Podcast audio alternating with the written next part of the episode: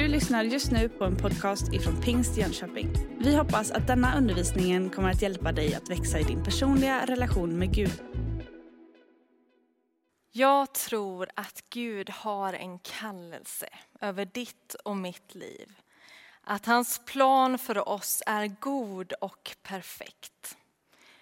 Ytterst sett så tänker jag att den kallelsen handlar om att vi ska komma till Jesus och att vi ska följa honom. Men ibland så ger han oss också ett uppdrag i någon form, en kallelse till tjänst. Och då blir ju frågan, hur responderar vi på Guds kallelse? Idag så ska vi titta närmare på hur en ung tjej besvarar Guds kallelse över sitt liv och hur hennes svar kom att förändra historien för alltid. Den här predikan den utgår ifrån Maria och den text som vi precis läste i Lukas kapitel 1. Maria hon är unik. Bland annat för att, så vitt vi vet i alla fall, är hon den enda person som var på plats både vid inkarnationen, som vi firar vid jul, vid korsfästelsen, som vi firar vid påsk och vid utgjutandet av den heliga ande, som vi firar vid pingst. Men Maria, hon är också ett föredöme i tro.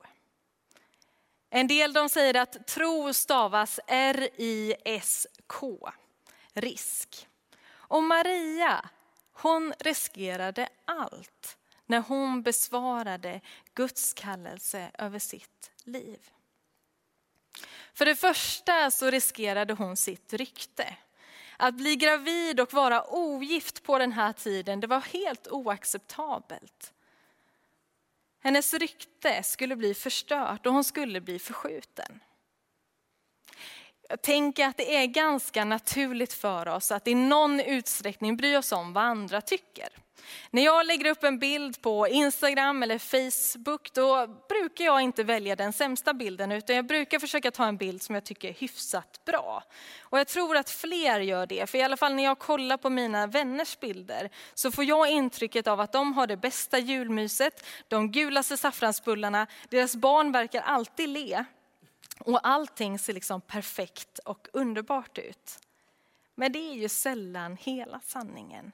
Men vi vill ändå ge en bra bild av oss själva. Det är få av oss som lägger upp en dålig bild eller en bild när vi bråkar. För vi vill inte visa den bilden av oss. Maria, hon hade inget val. Hon skulle komma att genom sin graviditet visa upp en bild av sig själv som i det omgivande samhället uppfattades mycket värre än vad som faktiskt var sanningen om henne. För det andra så riskerade hon sina relationer. Hennes föräldrar hade ju ordnat nu med en man som hon var trolovad med, Josef. Och han beskrivs dessutom som en rättfärdig man. Hennes roll var på sätt och vis säkrad, hon skulle bli försörjd för och det var ordnat och redo. Tänk då deras besvikelse när de får höra eller se att hon är gravid. Maria hon riskerade också sin relation med Josef som hon var trolovad med. Mänskligt sett så skulle inte han velat ha henne när hon var gravid med någon annans barn. Hon riskerade den relationen och sin framtid med Josef och vad skulle hennes vänner säga om henne? För det tredje så riskerade hon också att förskjutas och till och med bestraffas. Vi kan läsa att Josef planerade att skilja sig från henne i tysthet för att inte dra skam över henne. Att vara trolovad var till viss del lagligt bindande och det krävdes en form av skilsmässa för att bryta den trolovningen. Och det fanns till och med en risk att hon skulle bli dödad då man kunde stenas på den här tiden om man blev gravid och var ogift. Alla de här riskerna var möjliga och lär ha pågått i Marias huvud när ängeln kommer till henne och berättar om detta. Och hon ställer också en del frågor om hur detta otroliga ska gå till. Men till slut så landar hon i ett jakande av det som ängeln säger ska ske. Jag vet inte vad kostnaden är för dig och mig när vi säger ja till Gud och till någonting som han manar oss till att göra. Troligtvis är det inte lika extremt som det är i Marias fall, men det kan ändå kosta oss någonting. När vi sänder missionärer till andra länder till exempel så betalar de också ett pris. De lämnar släkt och vänner och ibland till och med barn och barn, barnbarn för att kunna åka. Det kan i andra fall handla om ekonomiska risker eller att förlora sociala relationer. När jag gick i skolan så uppfattades jag nog ibland av mina klasskompisar som tråkig och kanske lite märklig. När jag ibland fattade andra beslut än vad de gjorde med anledning av vad jag uppfattade att Gud manade mig till att göra. Det kan kosta någonting att vara annorlunda. Och jag tror att det kan kosta någonting för oss alla på olika sätt och vis. Men Marias respons var, trots alla de här riskerna som hon var väl medveten om, att svara och säga jag är Herrens tjänarinna. Låt det ske med mig som du har sagt. I början av februari så är det tre år sedan som jag blev avskild som pastor och jag efterträdde då Bengt Klingberg. Ungefär ett år innan det så hade han aviserat att de ville ut till Afrika som missionärer. Och det kom en av våra medlemmar till mig ganska kort därefter och så sa hon, Beatrice, är det du som ska ta över? Varpå jag svarade, nej, det är det absolut inte. Det har jag inget intresse av överhuvudtaget. För jag kom på massa anledningar till varför jag inte borde göra det och varför det fanns andra som var bättre lämpade till den uppgiften. Men sen började det där att växa i mig på något sätt. Och till slut så landade jag i, nej men det här är en kallelse från Gud. Att detta är någonting jag ska göra. Och därför valde jag att svara ja när frågan sedan kom från församlingen. Och de flesta dagarna är jag väldigt glad och tacksam och ser det som en enorm förmån. Men ibland så kostar det också någonting. Och genom livet så har jag ställts inför olika situationer som har känts utmanande. Där jag har fått välja att avstå eller att agera och försöka. Till exempel när jag fick frågan om att predika första gången när jag var 17 år. Eller när jag skulle lägga handen på någon som var sjuk och be en bön. Eller det där tillfället när jag bad för min klasskompis i korridoren i skolan. Eller när jag skulle berätta för en äldre man när jag jobbade i hemtjänsten om vad tron betydde för mig. Eller när jag delade mitt vittnesbörd på spanska och det var väldigt tafflande och svårt. För att ge några exempel, men där en anledning till varför jag valde att säga ja och försöka var för att jag tror att våran tro växer när vi vågar ta lite risker. Och när vi vågar att ställa oss till förfogande och lita på Guds hjälp.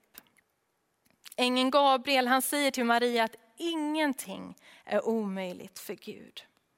Ord som sades till Maria, men som också får sägas till dig och mig idag. Att våga säga ja, att lita på Gud och att vi får göra våran del och han gör sitt. Det är då vi ser det där omöjliga bli möjligt. Och jag hoppas att du och jag kan vara lite lika Maria i vår respons till Gud. Hon är väldigt tydlig med att hon inser både vem Gud är, men också vem hon själv är. Hon väljer att lita på Gud när hon säger, jag är Herrens tjänarinna, låt det ske så som du har sagt. Det är inte ett passivt svar. Det är ett starkt och modigt svar och som visar på tillit. Men hon ser också vem hon själv är. Jag är Herrens tjänarinna. Tänk vilken bekännelse och identifikation av sig själv. Jag är den jag är, jag är Herrens tjänarinna, jag är skapad av honom och jag ställer mig till hans förfogande att tjäna honom med det som han har gett mig att förvalta. Maria hon visar på en styrka, på ett mod, på en ödmjukhet men också en stor överlåtelse. Maria hon är ett föredöme i tro och i tillit, men också i att vandra genom lidande. Tidigt så får hon veta att hon också ska uppleva smärta. När Jesus är åtta dagar så bär hon och Josef fram Jesus i templet där de får möta Simeon som beskrivs som en rättfärdig och gudfruktig man. Och han tar Jesus i sin famn och han förkunnar vem Jesus är. Att han ska ha en massiv inverkan på den här världen men inte att det ska ske utan motstånd. Och sen vänder han sig till Maria. Och vi kan läsa i Lukas 2.35 att han säger, också genom din själ ska det gå ett svärd. Maria visste tidigt att hennes själ skulle genomborras, att hon skulle uppleva stor smärta. Och vi läser senare i Johannes 19 och 25 att det står, vid Jesu kors stod hans mor. Att som förälder se sina barn lida eller till och med här att de dör, det måste vara något av det tuffaste man kan göra. Och vi kan gå igenom olika typer av lidande och svårigheter. Och Maria, hon är ett föredöme för oss där i tro och tillit. Kort efter detta uppstår Jesus och Maria får förenas, återförenas med honom. Och uppståndelsen är beviset på hopp för oss alla. Att döden inte är slutet. Att genom lidandet får vi sätta vårt hopp till honom och växa i tron på honom. Och en dag så kommer allt falla på plats, om inte här så i himlen en dag. I bibeltexterna så ser vi inte att Maria framhäver sig själv så speciell, även om hon var det. Jag menar, hon var ju mor till världens frälsare. Hon födde honom och uppfostrade honom och hade ett enormt ansvar egentligen. Men Maria hon blir också en efterföljare till Jesus och vi ser att hon nämns vid några tillfällen i evangelierna. Innan Jesus gör ett av sina under så säger Maria till tjänarna att gör vad han säger till er. Maria kände Jesus, hon visste vem han var, vad han förmådde att göra. Hon uppmanade andra att både lyssna och lyda honom. Jag sa tidigare att Maria var på plats både vid inkarnationen, vid korsfästelsen och också vid utgjutandet av den helige Ande. Och vi kan läsa från Apostlagärningarna 1 och 14 där det står alla dessa höll enigt ut i bön tillsammans med några kvinnor, Jesu mor Maria och hans bröder. Efter att Jesus lämnade jordelivet så fortsatte Maria i den efterföljelse som hon hade levt. Hon levde i ett lärjungaskap tillsammans med andra, så höll hon ut i bön. Och hon fortsatte säkerligen sin uppmaning till andra människor om att lyssna till Jesus och att göra vad han säger åt oss.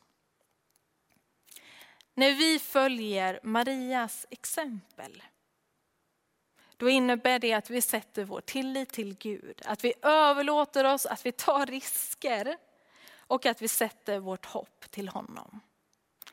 Oavsett vad du går igenom nu så kan du ha ditt hopp i Jesus.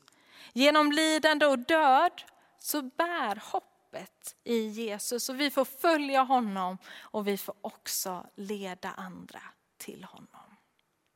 Amen. Vi ska alldeles strax be en bön tillsammans. Och jag vill uppmuntra dig att säga ditt ja till Gud idag, precis som Maria gjorde.